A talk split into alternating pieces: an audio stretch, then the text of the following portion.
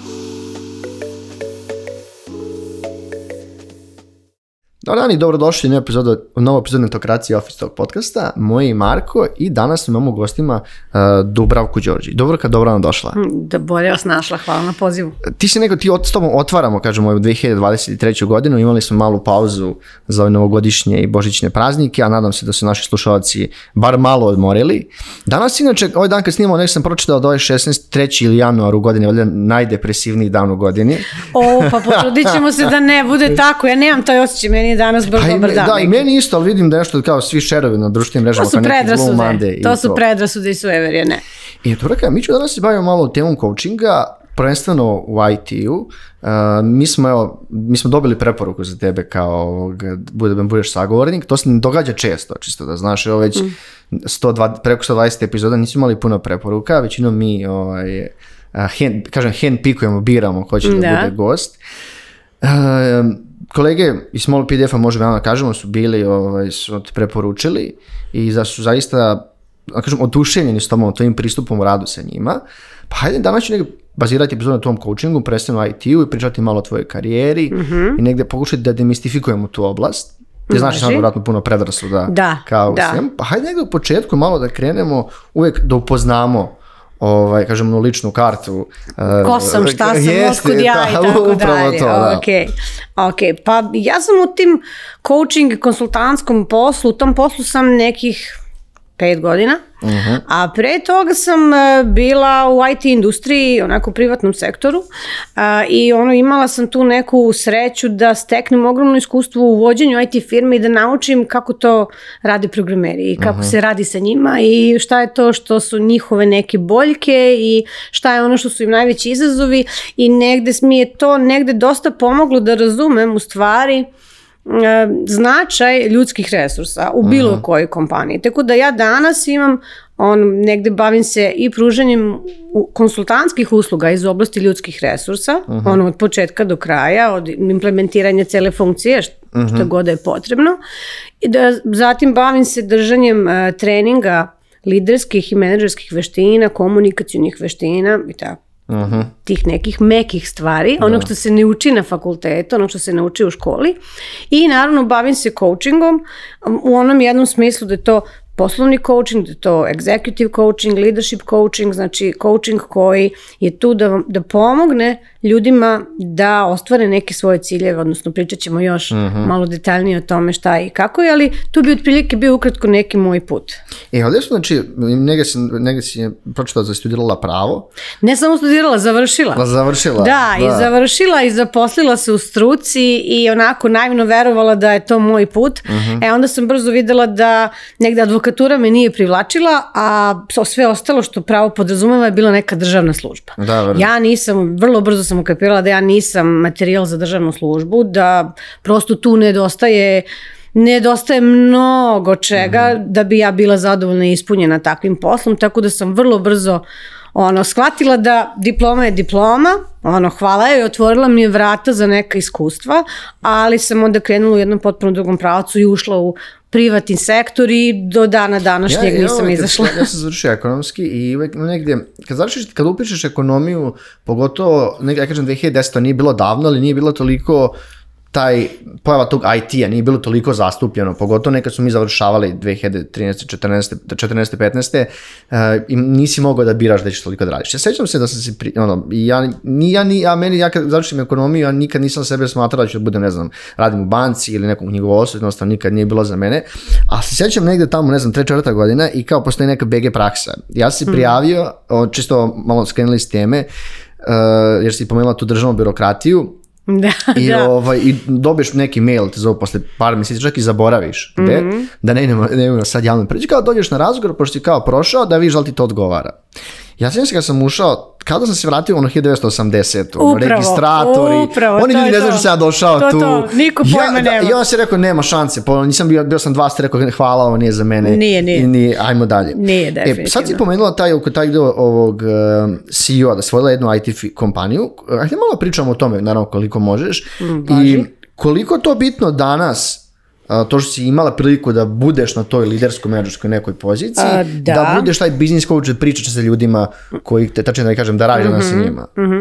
Pa ja sam imala e, prosto tu zaista kažem i sreću i privilegiju da sedam godina vodim jednu IT firmu od perioda kad je ona imala 20 zaposlenih do perioda kad je narasla na 220 zaposlenih i to je jedno onako nezamenljivo iskustvo jer tu smo onako svi zajedno prošli i uspone i padove i šta znači veliki rast i kako se veliki rast odražava na ne znam pad osjećaja povezanosti među ljudima, na pad produktivnosti ili možda na neki nedostatak komunikacije, kako nadoknaditi to. Tako da e, i puno sam u tom nekom e, u tom nekom poslu sam puno učila ono kao na, na greškama, na iskustvu i nekako ne, na intuiciji, prosto smo gradili neku priču i to je bila stvarno super priča. Ono što je meni zaista bilo značajno to je što sam baš sa te pozicije, jer IT developeri, mislim, uopšte su uvek bili deficitarni, nisu samo danas, danas je možda teža situacija, možda i nije, u stvari ima ih sad, svi se prekvalifikuju. Ali dalje to, i dalje nam treba nek, po nekom procenu 10 do 15 hiljada Da, ljudi. da. E, isto tako je bilo i ranije. Znači, naći dobrog programera, dobrog testera, da, uvek, je, uvek je bio izazov. I onda sam ja sa te neke e, CEO pozicije u stvari st- gledala strateški šta i kako razmišljala, pa mi moramo onda ove ljude koje imamo da zadržimo. Moramo da učinimo da oni budu zadovoljni, moramo da učinimo da oni budu motivisani, da oni napreduju i da, na, da napravimo neki sistem kako ćemo da dođemo do kadrova koji su nam potrebni. I onda je krenulo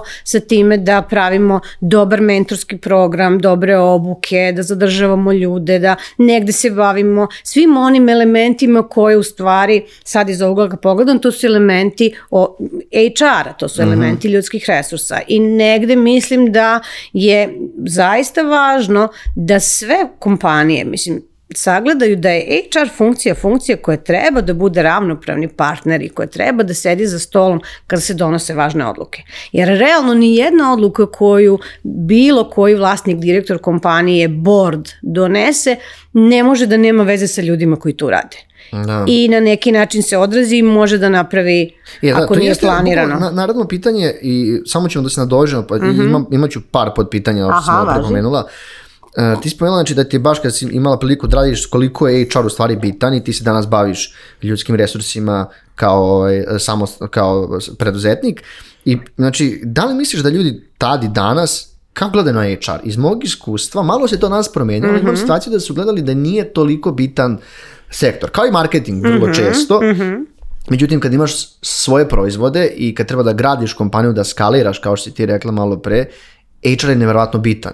I imamo sve više tih, tih tako zvanje, tih titula, tih VO, Vice President of Talent, gde Tako baš je. Imaš u kao člana borda koji je na visokoj poziciji koji treba da brine o ljudima. Tako je. I ti nekako ono organizuješ svoj posao u odnosu na, na, odnosu na ljude. Mm -hmm. Kako je bilo tada, šta misliš sad, pošto vrlo često pričaš sa ljudima? Pa recimo, u, u to vreme je zaista bilo recimo mojih, mojih školskih ono drugarica koje, ko ja nemam pojma šta je taj HR, šta je to uopšte što... Kao, To je ti kadrovska služba, ali malo Da, drugačije, eto, da. eto. I onda se ljudi, e, kad, kad se, pošto su to kao najbliže bilo kadrovskoj službi, to je bio poznat termin, HR je nešto kao, em je na engleskom kao šta je HR, a, i onda je, onda je to negde ostalo kao, aha, To je ona služba koja se trudi da se zaposle ljudi. O, on služi za zapošljavanje. I negde se HR, nažalost, prepoznao kao alat da mi dobijemo ljude koji nam trebaju. Znači, ali to je samo jedna funkcija HR-a. Znači, to je samo jedna funkcija. Mi sad ako pogledamo šta sve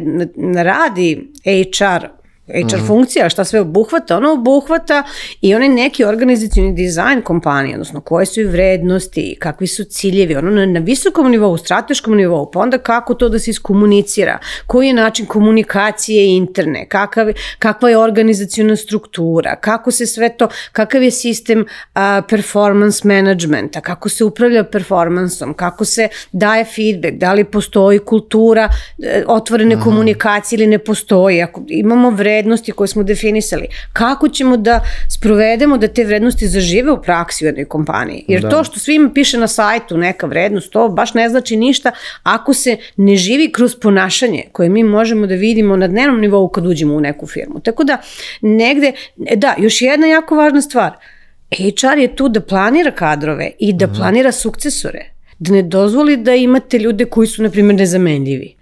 Da ne dozvoli da budete u poziciji da kao je sad ovo moram da izlazim u susret za sve što kaže jer ako on ode mi ćemo da stanemo, mi ćemo da propadnemo i tako dalje. Ja, ja te slušam i, te stvari koje ispunila i funkcije koje da je mm to je po tom opisu oni treba da budu bukvalno u, u- baš unutar samog preduzeća. Tako je. Ali ono što ja vrlo vidim često, pogotovo kod, ili je to mlada oblast, mi Mhm. nije, pa da se neko ne uredi koji se bavi HR-om, ali jako mali broj ljudi to vidi na taj način i vidi i zna da, jer to ipak nije samo, to ste pomenula, to nisu samo ljudski resursi, to je mnogo Tako više je, oko toga. tako je. To je ono management, leadership, upravljanje Tako je. stvarima, e, z- ono, da zna, ti moraš da gledaš dalje samo od svoje funkcije. Apsolutno. Nego imam problem, mislim, ne znam da li to problem, mi, o, sad znam da je to fakultet fond stavio kao a, na master, ali možda toga što je ne, zvanično nema, nema puno zvaničnih programa za školovanje Ne postoji, ne postoji uopšte, postoji e, par ispita na određenim smerovima. Mhm. Inače, formalna edukacija da sad ti završiš fakultet da budeš kao HR menadžer Mhm. ili šta god, mislim da još uvijek ne postoji. Nešto je bilo na fakultetu za bezbednost, ne znam da li još uvijek postoji, kakva je situacija, ali to je, to i jeste, mislim, zato, zato ja često radim i mentoring, Mhm. kada dođe novi HR u kompaniju, pa onda sednemo pa radimo, jer, jer ovo sad što sam opisala, ovo jesu HR funkcije. I ako uzmete bilo koju knjigu iz, iz ljudskih resursa, to jesu funkcije. To sad što se, nažalost, kod nas svelo da se HR bavi samo zapošljavanjem, komunikacijom, izdavanjem potvrda zaposlenima, to negde, mislim, da budem iskrena, to je HR-ovi sami sebe svedu na tu neku kadrovsku funkciju, a nema razloga. Da. Nekako mislim da nema razloga. I mislim da neki otpor koji postoji je upravo iz toga što ljudi ne vide značaj. Sad ne vide značaj ako se stvarno Da. ništa ne dešava značajno. Da, tako da, da, da, da, mislim da, i, da si to baš lepo rekla, jer uh, možda, ovaj, ono što mi često vidimo iz priče, danas, znaš da imaš ono kao ljudi, uh, pogotovo ljudski resursi koje traži kadar, koriste LinkedIn Mhm. kao ono način, da kažem, traženja kadrova Kanal i lovenja programera da. i onda to verovatno ta komunikacija je automatizovana vrlo Mhm. često i onda ima, dona, da ima negde stvara se ta neka negativna veza između HR-a i programera i onda vrlo često možda vidiš ono narediti u nekim drugim društvenim kanalima gde se ispoljava negativan stav i komentarišu se neki, Tako je, ovaj, tako neke tako negativne je. stvari. Upravo zbog toga e, ljudski resursi su jako bitni i ti kad gledaš, ne znam, ako, e, najbanalniji primjer, ti, ja ti tražim ti platu 10%, ali to treba da postoji, to utiče na ceo prihod kompaniji i sve, to mora bude povezan sa drugim funkcijama. Ja mislim, znaš, ono, mislim da je, da će tek da zaživi u narednim godinama kako budu imali veće kompanije koje nisu samo outsource, nego su i product. Mislim da je to bitno. Mislim, mislim da sada e, većina, zaista većina uspešnih kompanija, savremenih kompanija i u Beogradu i u Srbiji šire imaju uh, svest o tome da, da je to značajno. Čak i ako nemaju, ono što, ono što bih volila da istaknem, čak i kompanije koje nemaju HR-a, one imaju HR procese, mislim, možda oni to tako ne zovu, možda oni ne znaju da se to tako zove, ali ako imaš kriterijume po kojima određuješ bonuse, ako imaš opis radnog mesta, ako imaš e, definisanu hierarhiju, to jesu procesi koji u stvari pripadaju HR-u. Tako da to su neminovni procesi. To mora da postoji da bi, moglo, da bi mogla kompanija da funkcioniše. Sad pričaš, malo pi si pomenuo to, neko traži 10% povišice. Ok, zamisli da nisi u stanju da daš tih 10% povišice. Znači, da li treba da znaš šta tu osobu motiviše? Šta će da se desi ako odbiješ 10% povišice? Da li je to nešto što može da izazove neke negativne posledice? Mislim, ja sam bila svedok toga da se recimo ceo tim rasturi zato što jedan od članova tima nije iskomunicirao ono što mu smeta na pravi način. I onda je to radio na pogrešne načine, trujući prosto, tako da kažem, okolo i odjedan put ode ceo tima problem koji imao je bio problem koji se rešava za pet minuta, bukvalno. A šta misliš, Bukvalno. za- za misliš zbog čega ljudi jednostavno se plaše da komuniciraju, da iskažu te stvari? pa- Da li, da li, izvini što te prekidam, da li to, o, bar u tom, tom slučaju, znaš, da li je to možda do, jer ka, do kulture kompanije i ono što, ne, ne postiču ljude, znaš, ili no, nemaš, nemaš, ne znam, evaluacije, izveštaje, da ljudi bar mogu, ako ne uživo, nego bar da podnesu nešto je ovo, Da, im, da se za ovo. čuju, da, se, čuju, da se čuju. A, I jako jeste do kulture kompanije i jako je važno da se neguje otvorena komunikacija, jer a, bez otvorene komunikacije šta god da vodiš, kakav god tim da vodiš, da li si na mestu CEO ili tim lidera ili ne znam, operation, šta god da radiš, ti bez otvorene komunikacije u stvari ne možeš da mm, saznaš koje su potrebe tvojih zaposlenih. Da. I samim tim možeš da nagađaš Teško da možeš da, a da ne pričamo o tome što je HR i onaj način e, menadžovanja i liderstva koji negde ja e, želim da prenesem na što više ljudi podrazumeva individualni pristup. Da ti znaš kako sada da prilagodiš svoj uh, pristup i kako da prilagodiš svoju komunikaciju čoveku u tvom timu. Uh -huh. Da ga poznaješ, da znaš šta ga pokreće, da znaš uh, na koji način uči, šta mu treba, šta ga motiviše i da negde, uh, jer znate ono kako kaže Duško Radović, e, ima onu izjavu, kaže dajte mi dobro dete da vidite kakav sam ja otac. Uh -huh. E isto tako i menadžeri kažu dajte mi savršene pojedince da vidite kakav sam dobar menadžer. Ali u praksi niko od menadžera ne dobije ekipu savršenih pojedinaca, već dobije različite ljude sa različitim sposobnostima i različitim kapacitetima na kraju krajeva. I sad uh -huh. biti dobar menadžer je u stvari m, kvaka je u tome da znaš kako da iskoristiš maksimum od ljudi koje imaš, s kojima radiš, kako da iskoristiš njihov maksimum, da oni pritom budu i zadovoljni i motivisani i da znaju da su deo neke veće šire priče, da sagledaju širu sliku i svoj doprinos na kraju krajeva, jer je to ono što motiviše ljudi. Motivacija ne je onaj, pošto bežeš koliko je motivacija generalno bitna? Apsolutno. Jer si malo pre si pomenula, malo pre si pomenula si um, o tu situaciju kad je kompanija raste i kad negde ima taj brzi rast, koliko mm -hmm. se vrlo često zna se desi da uh, se motivacija zaposlenog smanji, jer nije više onako ja, ja to često kažem, kad si u nekom manjem timu, ti vrlo možda budeš ono superstar. Kad, mm -hmm. kad si neko dolaziš u veći sistem gde si 300, ti si jako si sjajan, vrlo često si ograničen do nekle. Uh, pa ne mora znači da nisi više superstar, može samo da znači da je usred velikog broja zaposlenih se smanjila količina komunikacije. Mm -hmm. I onda se ljudi zato osjećaju malo izolovano, malo odsečeno. E, to i jeste jako važno da se isprati da to što je sad do, došlo novih 20 ljudi ne znači da treba da prestanemo da pričamo s ovih prethodnih 15 Uh -huh. da prestanemo da vodimo račun o njihovim potrebama. Tako da, da mislim, to je da. sve održivo. To se često sad dešava, kad imaš situacije da je e, novi zaposleni, jer kao zbog velike fluktuacije na IT-u dobijaju veće plate nego ljudi koji su tu. I mm -hmm. na taj mhm. način pokušavaju da, e, kao, da privuku nove zaposlene. Jeste, i onda se desi totalno nezadovoljstvo starih zaposlenih. Da, to, da, to se sad vrlo često dešava, ljudi da. se onako, ali počelo više da se priča baš oko tim stvarima. Jeste.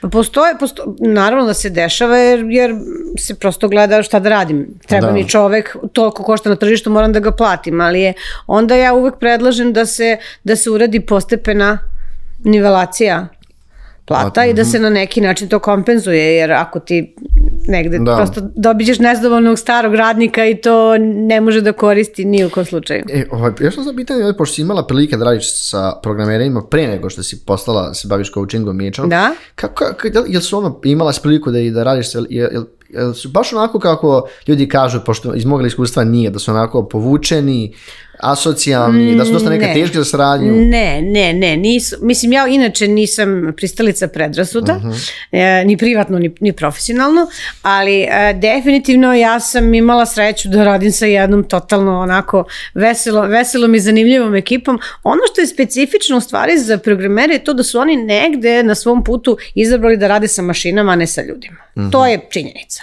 Znači, negde vole da rešavaju zadatke, to im je izazovno, to je nešto što ih, što ih motiviše i negde im je to ta neka jasna struktura, možda važna, logika, vrlo vrednovana, visoko Aha. i tako dalje. Što ni u kom slučaju nije kontra, u kontradiktornosti sa tim da su oni izuzetno i zabavni i pričljivi i druš, društveni i tako dalje. Tako da ti stereotipi m, po meni nisu tačni.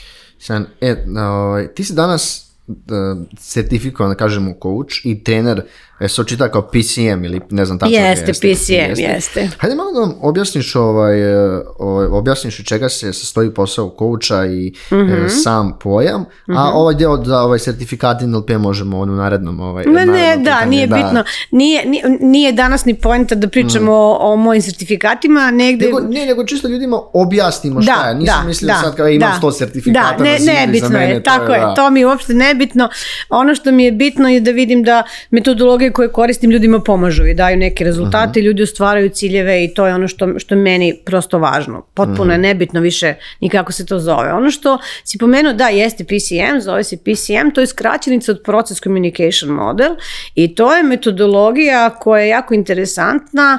Um, ona polazi od toga da u svakome od nas postoji šest različitih tipova ličnosti. Uh -huh. Znači u svakome, u tebi, u meni, u kolegi koji snima, u svakome od nas i da se mi, svaki od tih tipova ličnosti ima neki svoj set karakteristika i načina ponašanja i načina percipiranja sveta i načina ulaska u stres i načina nekih obrazaca kojima se samo sabotira i tako dalje. I onda u suštini ono što je različito, različito je uh, naspram toga šta nam je dominantno. Znači u našoj toj nekoj dubinskoj strukturi ličnosti koji tipovi ličnosti su nam najviše zastupljeni i koji najmanje zastupljeni.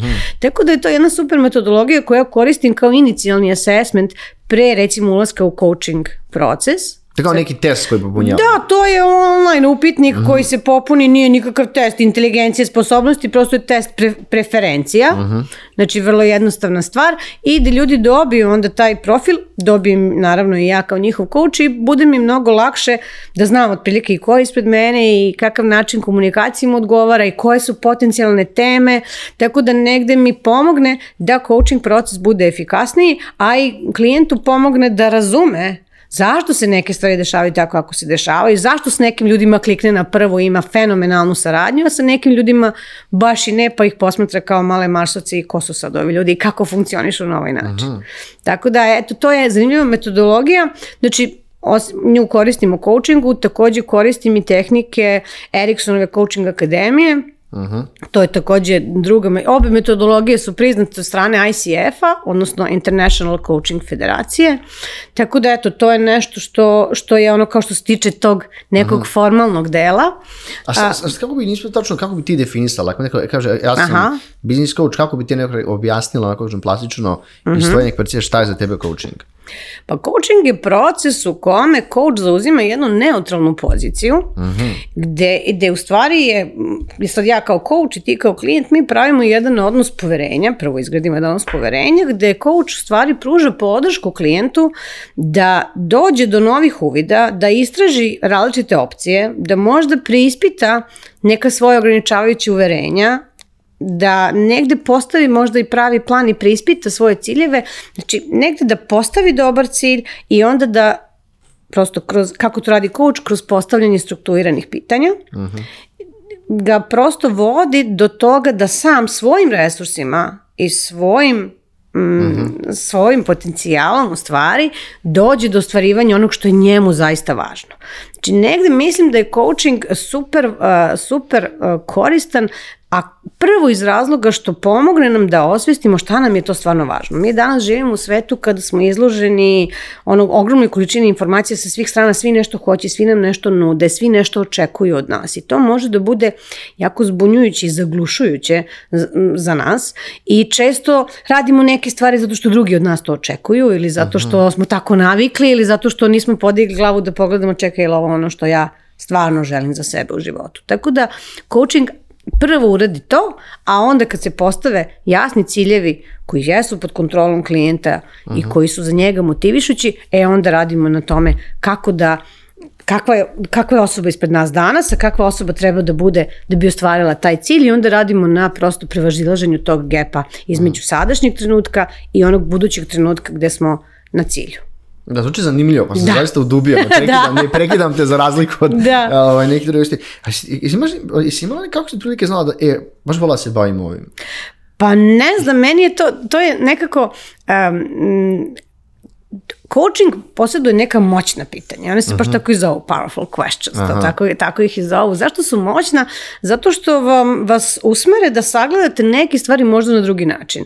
I ja sam nekada bila, kao i svi mi, na nekim životnim prekretnicama, treba da doneseš neke važne odluke, nešto se događa sa, ono privatno, profesionalno, šta god i nekako ta pitanja koja su me tako da kažem žargonski oduvala su mi uvijek bila, aha, vidiš što je ovo dobro, vidi kako mi je ovo donelo novi uvid, vidi kako mi je ovo otvorilo jednu potpuno drugu percepciju koju nisam ranije imala. I onda je zato meni coaching bio skroz interesantan i posebno volim coaching iz razloga što ja kao coach nemam pojma u kom pravcu će Da, da, šta, da, da. šta, znači klijent je u, kon, u, kontroli coaching sesije. Znači klijent donese temu na kojoj želi da radi. Klijent postavi cilj i klijent dobije svoje uvide. Ja ne mogu da znam šta će klijent da zaključi. Da, jasno. Tako da. E, ali e, ke- kad si pomenula tih šest tipova ličnosti, Aha. svi mi volimo da radimo te online neke testove i kvizove, kao, kao, mm -hmm. kao si tip ličnosti, dajem ti Da, naj- da, da. Ili koliko se ljudi iznenade ili su kao, evo, stvarno jesam ja. E, o, iznenade se što ovo stvarno jesam ja. Da, Da, to da. da. I, I ono što bi volila da naglasim, znači daleko od toga da je to kao one, e, imamo šest tipova ličnosti, pa ne znam, ti si ovo, ja sam ono, to je o, mnogo složenije priča, nije to horoskop, da se Mhm. Da. razumemo. Znači, kad Dupli pričamo... strelac, ako Da, da, da, da, da. Znači, mnogo je ozbiljnija priča. Trebala bi nam još jedna emisija da pričamo samo o tome da bi ljudi razumeli da to nije nešto što je tako e, da se etiketiramo, znači nikako se ne etiketiramo, to je on negde alat koji nam pomaže da razumemo zaista dubinsku strukturu e, i svoje psihološke potrebe i način komunikacije, znači nije samo komunikacioni alat. Mhm, to je jako bitno. Da, da, tako da je dublja priča. I, a ovdje smo pomenuli smo sad na NLP uh, i, i, i, i Scrum, ili tako, taj Scrum Master, to je dosta bitno onako za... E, za, pa ne znam, ja sam, ja sam na- taj Scrum Master otišla, mislim, slučajno, Da. u suštini, ali mi je bio super interesantan i bilo mi je korisno, jer to je onaj deo koji kao, aha, to je ono još što u pro, pro, kod project menadžera je Jeste, potrebno, e to nisam bila razumela do, do Mhm. potpunosti, pa sam sad eto i kao i to, i to sad razumem kako funkcioniše, jer negde ako pogledamo sve nam je projekat i, Jeste, i kad po, postavimo život na neke planove, ciljeve, sve je neka vrsta projekta i da bismo napravili neki rezultat moramo da imamo stvari koje merimo, da bismo znali jesmo li na dobrom putu ili nismo na dobrom Mhm. Koliko nam putu. treba još da dođemo Koliko do nam još da. treba do tamo. Tako da negde mi je Scrum više bio onako interesantan, prosto da eto, da mi otvori te neke Da. nove termine da vidim I ovo kako sad ide, funkcioniše. Koliko je generalno danas coaching rasprostranjen kod nas, u Evropi ili svijetu? A, u, u Kod nas se ne priča dovoljno o tome. Ne priča nas, se. da. Ne priča se dovoljno o tome. A, u svetu je izuzetno rasprostranjen. Kažem, nema, zaista nema ozbiljne kompanije koja coaching ne nudi, na primjer, kao benefit svojim liderima, Mhm. tim liderima ili ljudima koji su u fazi prelaska sa operativne role na Mhm. neku menadžersku. Znači, to, to je, coaching program je nešto što imaju ili interno ili eksterno angažuju ljude i to, i to se negde e, u svetu mnogo više proširilo i sama coaching indu- industrija je jako velika. Nažalost, kod nas je to negde tek u povoju, ne postoji zvanično regulacijono telo za bilo je nekih pokušaja da ICF napravi neki chapter u Beogradu, koliko znam to nije zaživelo, ne znam šta se s tim desilo, ne znam razlog, ali ne postoji prosto i onda je sad to negde teren gde imamo svega. Zato bih voljela negde da ja iskoristim ovu priliku da naglasim da coaching nije motivacioni citat. Nije, Coaching ustani ni, tako je, to pobjedi, nije, coaching nije misli pozitivno. Da, znači da se razumemo, to nije coaching i ako ste uopšte zainteresovani za bilo kakav rad na sebi, vodite računa da negde znate šta dobijate i E, ja sam baš i stavio Mhm. to da, neka, da, da demistifikamo tragediju coachinga i neke psihoterapije, Mhm. jer možda negde ljudi baš zbog tih stvari da, e, e, znaš ono, prave da su slični ili izjednačavaju ili bar e, či, čisto onako, znaš, šta, šta je možda neka glavna razlika, kako ti to vidiš? Mm već si, dobro, već si krenula da pričaš o tome, da. Mhm. Pa u suštini glavna razlika je u tome što um, kada pričamo o psihoterapiji, Mhm. a, psihoterapeut se fokusira na uzrok vašeg disfunkcionalnog ponašanja. Aha, na uzrok problema i negde sa vama ide u prošlost na izvor problema, na koren svega, kako bi vi to osvestili i kako bi uz podršku psihoterapeuta posle usvojili neka nova funkcionalno ponašanje i tako dalje i tako dalje. Znači fokusira se prvenstveno na problem i bavi se prošlošću. A za razliku od psihoterapeuta, coach se ne bavi prošlošću. Coach, coach veruje ja verujem da bez obzira što ti ne znaš zašto neke stvari ne radiš kako treba, to ne znači da ne možeš da ih popraviš.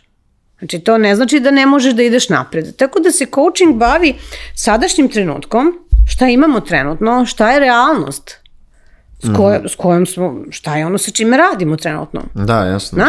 I šta je željeno stanje i onda gradimo priču koja je fokusirana na rešenje i koja se bavi budućnošću.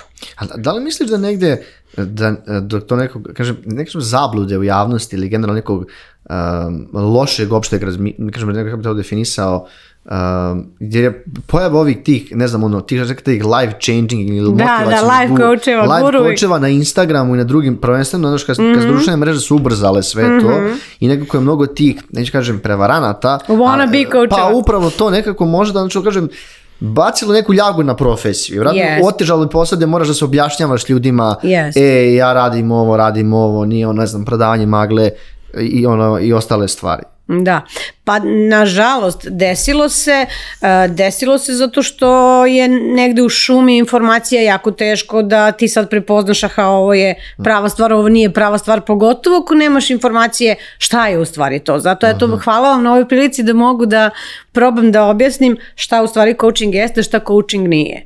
Znači to je ja, jako važno da razumiju svi koji su zainteresovani za rad na sebi kroz coaching. Negde i u suštini, mislim, coaching bi trebalo da ili radi ili ne radi. Da se razume. Znači, ako, ako ne radi, promeniš coacha. Znači, e, trebalo bi da bude prosto. I Jasno, ne bi trebalo da se, da se bavi, ne znam, pogotovo ne bi trebalo da, znači, ako najeđemo kao coachevi, ako najeđemo na situaciju, na klijenta koji ima neki problem, neku vrstu psihološkog oboljenja ili Mhm. šta god. Znači, mi se time ne bavimo. To rade psihoterapeuti. I to je jako važno. I ne bi trebalo da se bavimo time. Ne bi smeli da se bavimo time. To je red flag. I onda se uputi klijent i kaže, ok, evo imam, preporučim nekoga ili, ili šta god. Tako da, to je važno. Ono, negdje smo napravili negdje uvod kako bi baš pričali o tom coachingu u IT-u, Mhm. ono, gdje smo i e, ti pozvali. Kako izgleda rad sa IT kompanijama danas i e, na kojim oblastima svima posebno radiš? Pa ja volim da radim sa IT sektorom, ja volim, volim programere, volim način na koji oni razmišljaju i funkcionišu, navikla sam da radim sa njima, imala sam prilike da, do- da, da, ih, da ih upoznam, tako da je meni rad sa IT-em super. A sad šta radim sa IT-em zavisi. Zavisi. Neke IT kompanije zaista prepoznaju ono da im nešto fali, da im nešto treba i onda radimo na uspostavljanju ono od toga ajde definišemo organizaciju, vrednosti, svašta nešto, da napravimo, da nađemo nove ljude, da pomognemo, da nađemo HR-a, da izmentorišemo HR-a šta god. Negde im se obraćaju vlasnici, direktori, lideri za, za coaching, a negde prosto radimo obuku na temu recimo liderskih veština, komunikacije i tako dalje, gde oni prepoznaju da su recimo zaposlili ljude, unapredili ih, ali sad odjedan put nekako ne vide da to, da to daje neki rezultat željeni i onda shvate da postoji gap između onog što su očekivali i onog što su dobili i onda ajde da radimo na tome. Tako da zavisi sve ove usluge koje ja pružam su ponekad zastupljene u IT-u. Znaš, znaš što me zanima, jel, o- ovaj, jel ima situacija kao, e, idemo, ne znam, na dve sesije treninga, ne znam kako Mm. to, kako zoveš, i kao, jel postoji broj koji ti smatraš da je minimalan, da ja i ti radimo, kako bi ja, ne kažem nešto rešio. Aha, misliš bar- coaching sesija? aha. Da, da. Pa a, coaching, coaching proces e, izgleda tako, prvo da, ajde da malo, Mhm. malo damo tu strukturu. Coaching sesija traje od 45 minuta do sat vremena. I to je, to je ono kao neki standard. A, Na prvoj coaching sesiji se negde upoznamo, vidimo da li, stvari to neki prvi sastanak inicijalni, da li coach odgovara klijentu, da li klijent odgovara coachu. isto radimo, da. Da, Ne to znam, je, da. tako je, to je najnormalnije i onda posle postavimo na drugoj, svi postavimo neke coaching ciljeve, znači coaching ciljeve za ceo coaching proces, a onda kad krenemo na, stvore, na radu, na ostvarenju tog cilja, onda pravimo i male ciljeve na svakoj coaching sesiji. Znači svaka coaching sesija ima svoj cilj, šta je to što ćemo da uradimo za ovih narednih 45 minuta ili sat vremena i onda tako polako, znači onaj veći cilj podelimo na, na manje i radimo polako. A šta je ono neki optimalan broj? Pa zavisi od toga šta se postavi kao cilj. Šta klijent postavi kao cilj. Jer, m, mislim, minimum, minimum je ono 4 do 6 coaching sesija, uglavnom bude više. Imala sam jedan put da je bilo četiri coaching sesije sasvim dovoljno, ali tu je cilj bio krajnje jednostavan. Čovjek je želeo da, da preispiti i donese odluku vezano za svoju karijeru, u kom pravcu želi i tako dalje. Ali nekad ista ta odluka može da, da zahteva i 10 sesija i više od 10 sesija, možda se otvori nešto drugo. Tako da nikad se ne zna kuda ćemo da, Da. da klijent to radi. Pomenuo sam da su, kažem, zajednički, ja ne, ne kažem, ja ne kažem klijente, mi to isto Da. što smo partnere, radimo neke dugoročne odnose, ovaj, su te preporučili i baš su promenili da, ovaj, pomenuli smo kompaniju, da je dosta bitno da se radi na, ovaj, sa ljudima, na napredovanju ljudi i oni su neko ko je iz tehničke kao spomenula da negde više programeri, inženjeri vole da rešavate neke tehničke probleme, Tako manje je. da rade sa ljudima, prelaze iz tih tehničkih u menadžerske mm role, gde ipak mnogo više moraš da budeš sa ljudima na dnevnom nivou, e, da upravljaš njima, da komuniciraš, da Mhm. menjati se taj način um, na, na menjati se način posla. Šta se do sad ima, ili postoji neki stereotip? Šta se sad primet, ne kažem stereotip, neki Ali, uh, šablon koji da, si postoji, primetila? postoji da. šablon, postoji šablon. A, U suštini, ako pogledamo šta su te neke liderske kompetencije, glavna liderska kompetencija bi bila komunikacija. I mi sad imamo situaciju gde imamo fantastičnog developera.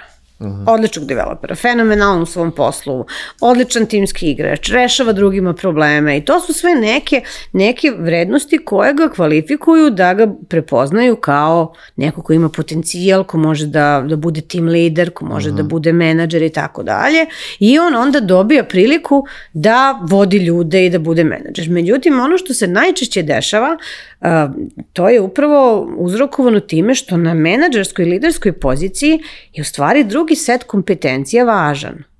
Drugi set veština, tako da kažem, je, je važan i potreban. I sad ti izgubiš jednog fantastičnog developera i dobiš jednog osrednjeg tim lidera.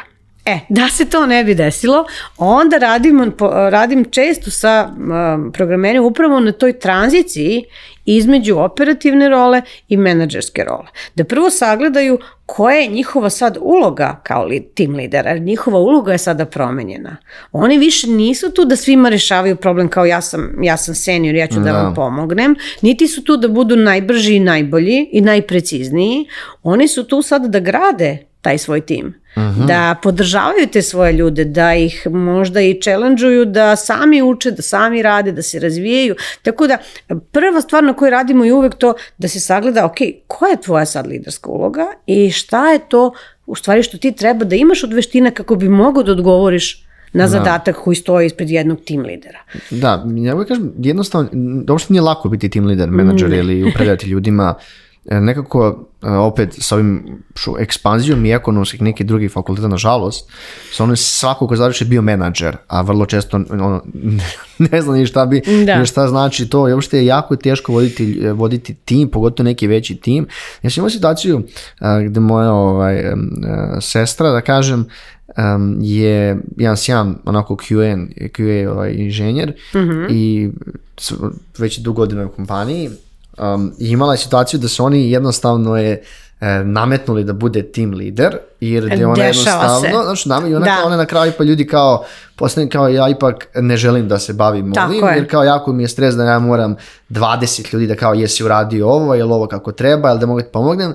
Mnogo mi je bolje da se ja razvijam tehnički dalje, jer mi je to verovatno njoj bilo prirodnije. Ja znam Tako da veliko broj kompaniji baš ima tu mogućnost da negde zaposleni može da bira, jer vrlo često možda ne, ne žele svi da budu menadžeri, možda čak također vrlo, znači ne žele ni odgovornost, a i nekom jednostavno ne ide. Tako je, tako je. Postoje ljudi koji radije biraju ono, da se usavršavaju dalje u tehničkom pravcu i to je nešto što zaista treba da se poštuje, jer ne možemo da očekujemo od svih da im sve leži da, i da sve žele. Ali svaki neki a, pravac koji izaberu, koji vodi u neke menadžerske role, koji vodi negde gore, što se kaže u hijerarhiji, podrazumeva razvijanje liderskih veština, podrazumeva razvijanje komunikacijnih veština, podrazumeva jedno sagledavanje e, stvari iz, iz novog ugla i to je za njih ono kao aha, vidiš nikad o tome nisam tako razmišljao. Obično, obično se to onako desi, obično se to desi jer do juče je sasvim bilo dovoljno da ti dobro iskodiraš, da ti to dobro proveriš, da ono kao rešiš bagove, šta Jeste, god i, i ideš kući. E sad jedan put to više nije dovoljno. A koliko to, pominjala, pominjala si stres i pominjala si motivaciju, Mhm. koliko to generalno takav prelazak utiče na ono stres kod zaposlenih? O, svaka promjena posla, ne samo u IT sektoru, bilo gde i bilo kome, svaka promjena posla ima određenu težinu kada je stres u pitanju, čak i kada je na bolje. Aha, Znači to je, to je inače stresni događaj, tako da je svaka promjena stresna jer svaka promjena pred nas stavlja nešto novo. Izlazimo iz zone komfora. Čak i ako je u toj komfortnoj zoni bilo malo i tesno i žuljalo nas, mi smo navikli da nas žulja. da. Pa nekako, ok, žulja me i tu sam gde sam. Da. Ali onda se jedan put dešava nešto što očekuje od nas, aha, u novim sam vodama. Makar to bilo pozitivno, uvek je stresno. A pošto si pomenula, je, po, po- pominjala si da si radila sa menadžerima, sa liderima i prvi put, evo, sve 126 epizoda, nisi nikad nisam pitao šta, šta je u stvari po tebi dobar menadžer? Kako bi ga ti definisala? Aha. Jer si bila i sama. Da, bila sam s obe da- strane, da, bila sad sam s obe možeš- strane, tako je. Da, je, ono, je, jednostavno, šta je za tebe dobar menadžer? Pa Da, prvo da napravimo razliku između menadžera i lidera. Možemo, da. Prvo, prvo Ne to mora napravimo- svaki lider bude menadžer, Tako, tako je, da. tako je. Lider je, lider je a, onaj koji razvija druge ljude, koji Mhm. pravi nove. Znači, menadžer može da menadžuje da upravlja procesima, da upravlja ljudima, da upravlja operacijama, imaš da. gomilu menadžera, ali- lider ima jednu drugu, jedan drugi kvalitet i jednu drugu, mm, kako da kažem, dimenziju, jer lider je taj koji ljude ispod sebe razvija koji nema ljude koji ga slušaju zato što je on, ne znam, hirarhijski tata, nego zato što veruju u to šta on pokazuje, zato što je to negde pokazuje kroz, kroz primjer. Tako da prvo to da, da napravimo razliku. A, druga stvar, ovo što si me pitao, šta je to u stvari biti dobar sad menadžer ili lider, ajde da kažem lider, a, mislim da je važno da i ono sa čim se srećem da ljudima najveći izazov kad prelaze iz te neke pozicije, to je da nauče da delegiraju, da nauče da ne moraju oni da budu ono, u svemu, u da. svemu, da, da nauče da a, komuniciraju, da izgrade poverenje sa članovima tima i da znaju šta od koga mogu da očekuju, kako da to dobiju, drugim rečima da znaju da, da umeju da vode tim koji je motivisan za ostvarenje cilja, koji razume svoju ulogu u široj slici, u tome koja je moja uloga sad u ostvarenju ovog cilja, zašto radim ovo što radim, znači vrlo je važna ta ko- komunikacija, da ima prostora da kaže svom tim lideru, "E, vidi, ja sam ovde pogrešio, ja sam ovde zeznu stvari, Znaš, jer iz grešaka se uči, ako, ne, ako napravimo atmosferu u kojoj nije ok priznati grešku, mi onda gušimo ljude i onda dobijemo to da niko ništa neće da uradi dok ne dobije potvrde na od 116 strana, onda imamo nepotrebno sastančenje, onda imamo nepotrebno uvlačenje drugih ljudi, onda imamo jedno, jedan potpuno smanjenje brzine, jer se niko ne usuđuje da preuzme inicijativu i da nešto uradi, pa makar pogrešio. Tako da negde je važno da lider bude taj koji a, zaista podržava i na ličnom primjeru a, pokazuje feedback Da. kulturu, coaching kulturu, otvorenu komunikaciju, um, fair play vrednovanje performansa, znači otvoreno, transparentno mis, i da znači ljudi budu uh, efikasni, motivisani i da znaju da su deo neke priče koja je Opet se vraćamo, važna. Kad radiš sa timom, ti si lider i pomenula si da ono bitno je kakvi ste ljudi. Koliko je onda jedno kao tim lider negdje treba da opet budeš uključen u deo tog HR procesa zapošljanja ljudi u svoj tim. Tako je, treba da budeš uključen i zato što ni, ja, ja nikad nisam pristalica toga da HR izabere s kim ćeš ti da radiš. Da, to je, to je dosta Zato što ti ćeš da radiš sa tom osobom i jako je važno da se tebi ta osoba dopadne, da negde kliknete da prepoznaš kvalitet i a, HR je u stvari tu da na intervju uspe da dobije važne informacije i za tebe i za, i za organizaciju. Znači šta je to što možemo da očekujemo eventualno u budućnosti od potencijalnog kandidata.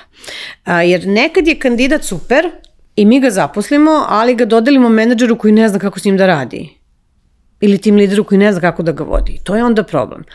I e, vrlo je važno da tim lider učestvuje u izboru ljudi za svoj tim.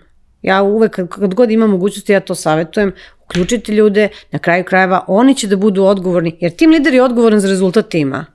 Kako ja mogu da budem odgovorna za rezultat nečega ako si ti meni ubacio neke svoje ljude koje ja tu nisam želela, na primjer? Kako ja mogu da, da stojim iza rezultata zajedničkog? Da, ovaj, pomenula si tu feedback kulturu koja je sad pogotovo kako...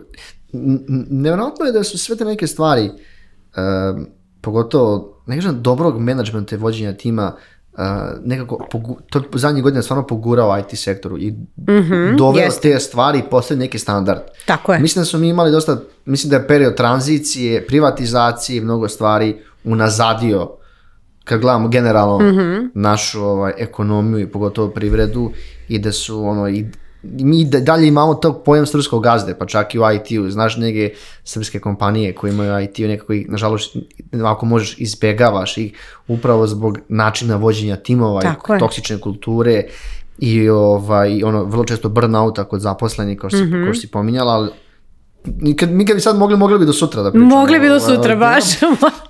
E, e, još jedan, pošto pričali tim, uh, ne, negdje si već i kroz ovaj naredni odgovor si pomenula, uh, ja, ja, sam, ja sam ovdje stavio šta si primećio kod tih mladih IT profesionalaca, da im, da im negde, kažem, ne kažem fali, nego da li je to možda im je taj nedostatak komunikacije ili način na koji komuniciraju. Pa, Inače, inače um, su ovo, to su, to su veštine koje prosto se uče, da se razumemo. To su veštine koje se uče i ne samo vezano za IT profesionalce mlade, nego inače, inače za mlade ljude. I, I pogotovo što sad mladi koji dolaze, oni su generacija koja je navikla da bude online, koja je navikla da sve radi kroz chat, koja je prosto navikla na tu neku vrstu komunikacije, a uživo komunikacije je nešto što je malo zapostavljeno. Tako da Jeste, e, da. mislim da će to da bude zaista vrlo važna veština u budućnosti, da li možeš stvarno uživo Da komuniciraš. da komuniciraš kako treba, da tvoja poruka bude shvaćena onako kako si ti želeo, ne, jer nije dovoljno samo ispričao sam šta sam hteo, nego da imaš obzira na to ko je sagovornik, ko je preko puta tebe, šta toj osobi treba.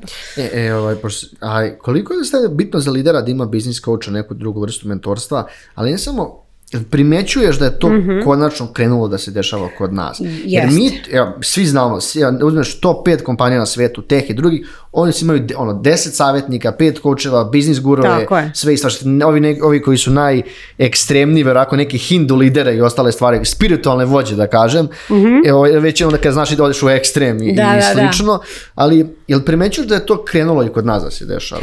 A jeste krenulo da se dešava i ja, zašto kažem, IT sektor jeste to doneo, zato što mnoge naše IT firme imaju, ne znam, svoje, svoje centrale negdje u inostranstvu i Jeste. dobile su neki model kako se to tamo radi i onda su naši ljudi to počeli da vide, aha pa vidi ovo je dobra stvar, dobijemo vrednost od ovoga. Inače ja sam skoro malo a, istraživala o samoj, samoj onoj statistici coaching industriji, bilo mi jako interesantno da je da su kompanije, došli su do analize da je svaki uložen dolar u executive coaching kompanijama koje su bile u toj anketi doneo a, return of investment 7,9 dolara. Znači to je isplativost investicije 700% otprilike, što je za mene bio fascinantan podatak i to je nešto što je ono kao zvanično, to je ICF Global Coaching je se bavio tim analizama i to je onako meni baš ozbiljan pokazatelj a, da lider, m, direktor, vlasnik, osoba koja donosi strateške odluke, osoba koja donosi odluke koje utiču na sam pravac u kome ide kompanija, na druge ljude, na, na to da li ćemo sad da ovaj tim da gasimo ili da zapošljavamo ili ćemo da otvaramo ili ćemo ovde da, ne znam, upucamo veliko par onoliko, da, da je i ulaganje u coaching takvih ljudi posebno isplativo, zato što složit ćete se ljudi koji su na visokim pozicijama i donose odluke, njihova jedna odluka pogrešno može jako mnogo da košta. Jeste, to je tačno. I pogrešna odluka može da izgubi jako puno vremena. Zamislite da, da recimo pogrešna odluka dovede do toga da grupa programera radi tri meseca nešto što će da se baci. Da. Mislim, kako, kako to utiče i na motivaciju tih ljudi koji sutra kažu čekaj, ovde se ne zna šta ko radi, ja odo odavde u neku drugu firmu, na prvo Da. mesto pa nadalje. Pošto smo negde, ovaj, pošto smo negde već tu pri kraju emisije, Da. imaš neke, možda neko, neko štivo ili neko, neko dodatno, gde bi neko možda mogao da pročita neku knjigu o liderstvu ili coaching, nešto što, što, što, ti, što bi ti onako kao izdvojila? E, a, ima, ima jedna knjiga koju ja svima preporučujem, to je knjiga za, za lidere. Zašto kažem da to treba svako ko je na liderskoj poziciji pročita? To je knjiga Marshalla Goldsmitha. A, zove se Ono što vas je dovelo do ovde neće vas odvesti tamo. Aha, Da, i o- upravo se u knjizi ma, Marshall bavi time da u stvari naše uverenja koja su nas dovela do toga da mi budemo uspešni i na nekoj poziciji na kojoj smo sada, mogu da nam postanu kočnica za dalje napredovanje u nekom drugom kontekstu i u nekoj liderskoj roli i tako dalje. Tako da eto, za sve lidere knjiga koja negde vas e, otvori vam malo vrata da pogledate i šta grešite. Iako ste uspešni, iako ste superstarovi, postoje, postoje neke greške koje svi pravimo i kako da ih izbegnemo. Ovaj, Dubrovka, hvala ti, ja sam zaista uživao. E, hvala i ja sam I, takođe. uh, Bilo mi zaista izuzetno da slušam. Pažljivo sam slušao, moram da priznam, za, ovaj, za razliku da više onako učestvujem. E, I mislim da predlažem da za koji mesec opet nastavimo, možda da se dublje bavimo temom, dogovorit ćemo se. ovaj, Važi, ja sam Da, raspoložena. za- Kažem, da- možemo, a, ovo, ovo je tema kojom se ne bavimo često, Mhm. i, a mislim da je važna i opet kažem, hvala još jedan put za priliku da pričamo o ovim stvarima koje smatram da su stvarno važne. Ja svoj posao volim Mhm. i negde smatram da a, ono, razgovor po razgovor možemo da promenimo kulturu u kojoj živimo i kojoj radimo, jer realno mi svi provodimo na, na svom poslu, ne znam, 8 sati. Minimum. Minimum, da. to je znači jedan ozbiljan deo života i ako uspemo da organizujemo da nam taj deo života prođe onako u dobroj atmosferi, a da budemo produktivni, motivisani, jasni, bez nekih trzavica, konflikata, mislim da je to onako baš veliki životni uspeh i to mi je negde ono, misija. A, Dubrovka, hvala ti još jednom. E, Hvala i svim našim slušalcima što ste ostali s nama do kraja epizode. Netokracija Office Talks možete pratiti u video formatu na YouTube-u, a u audio na svim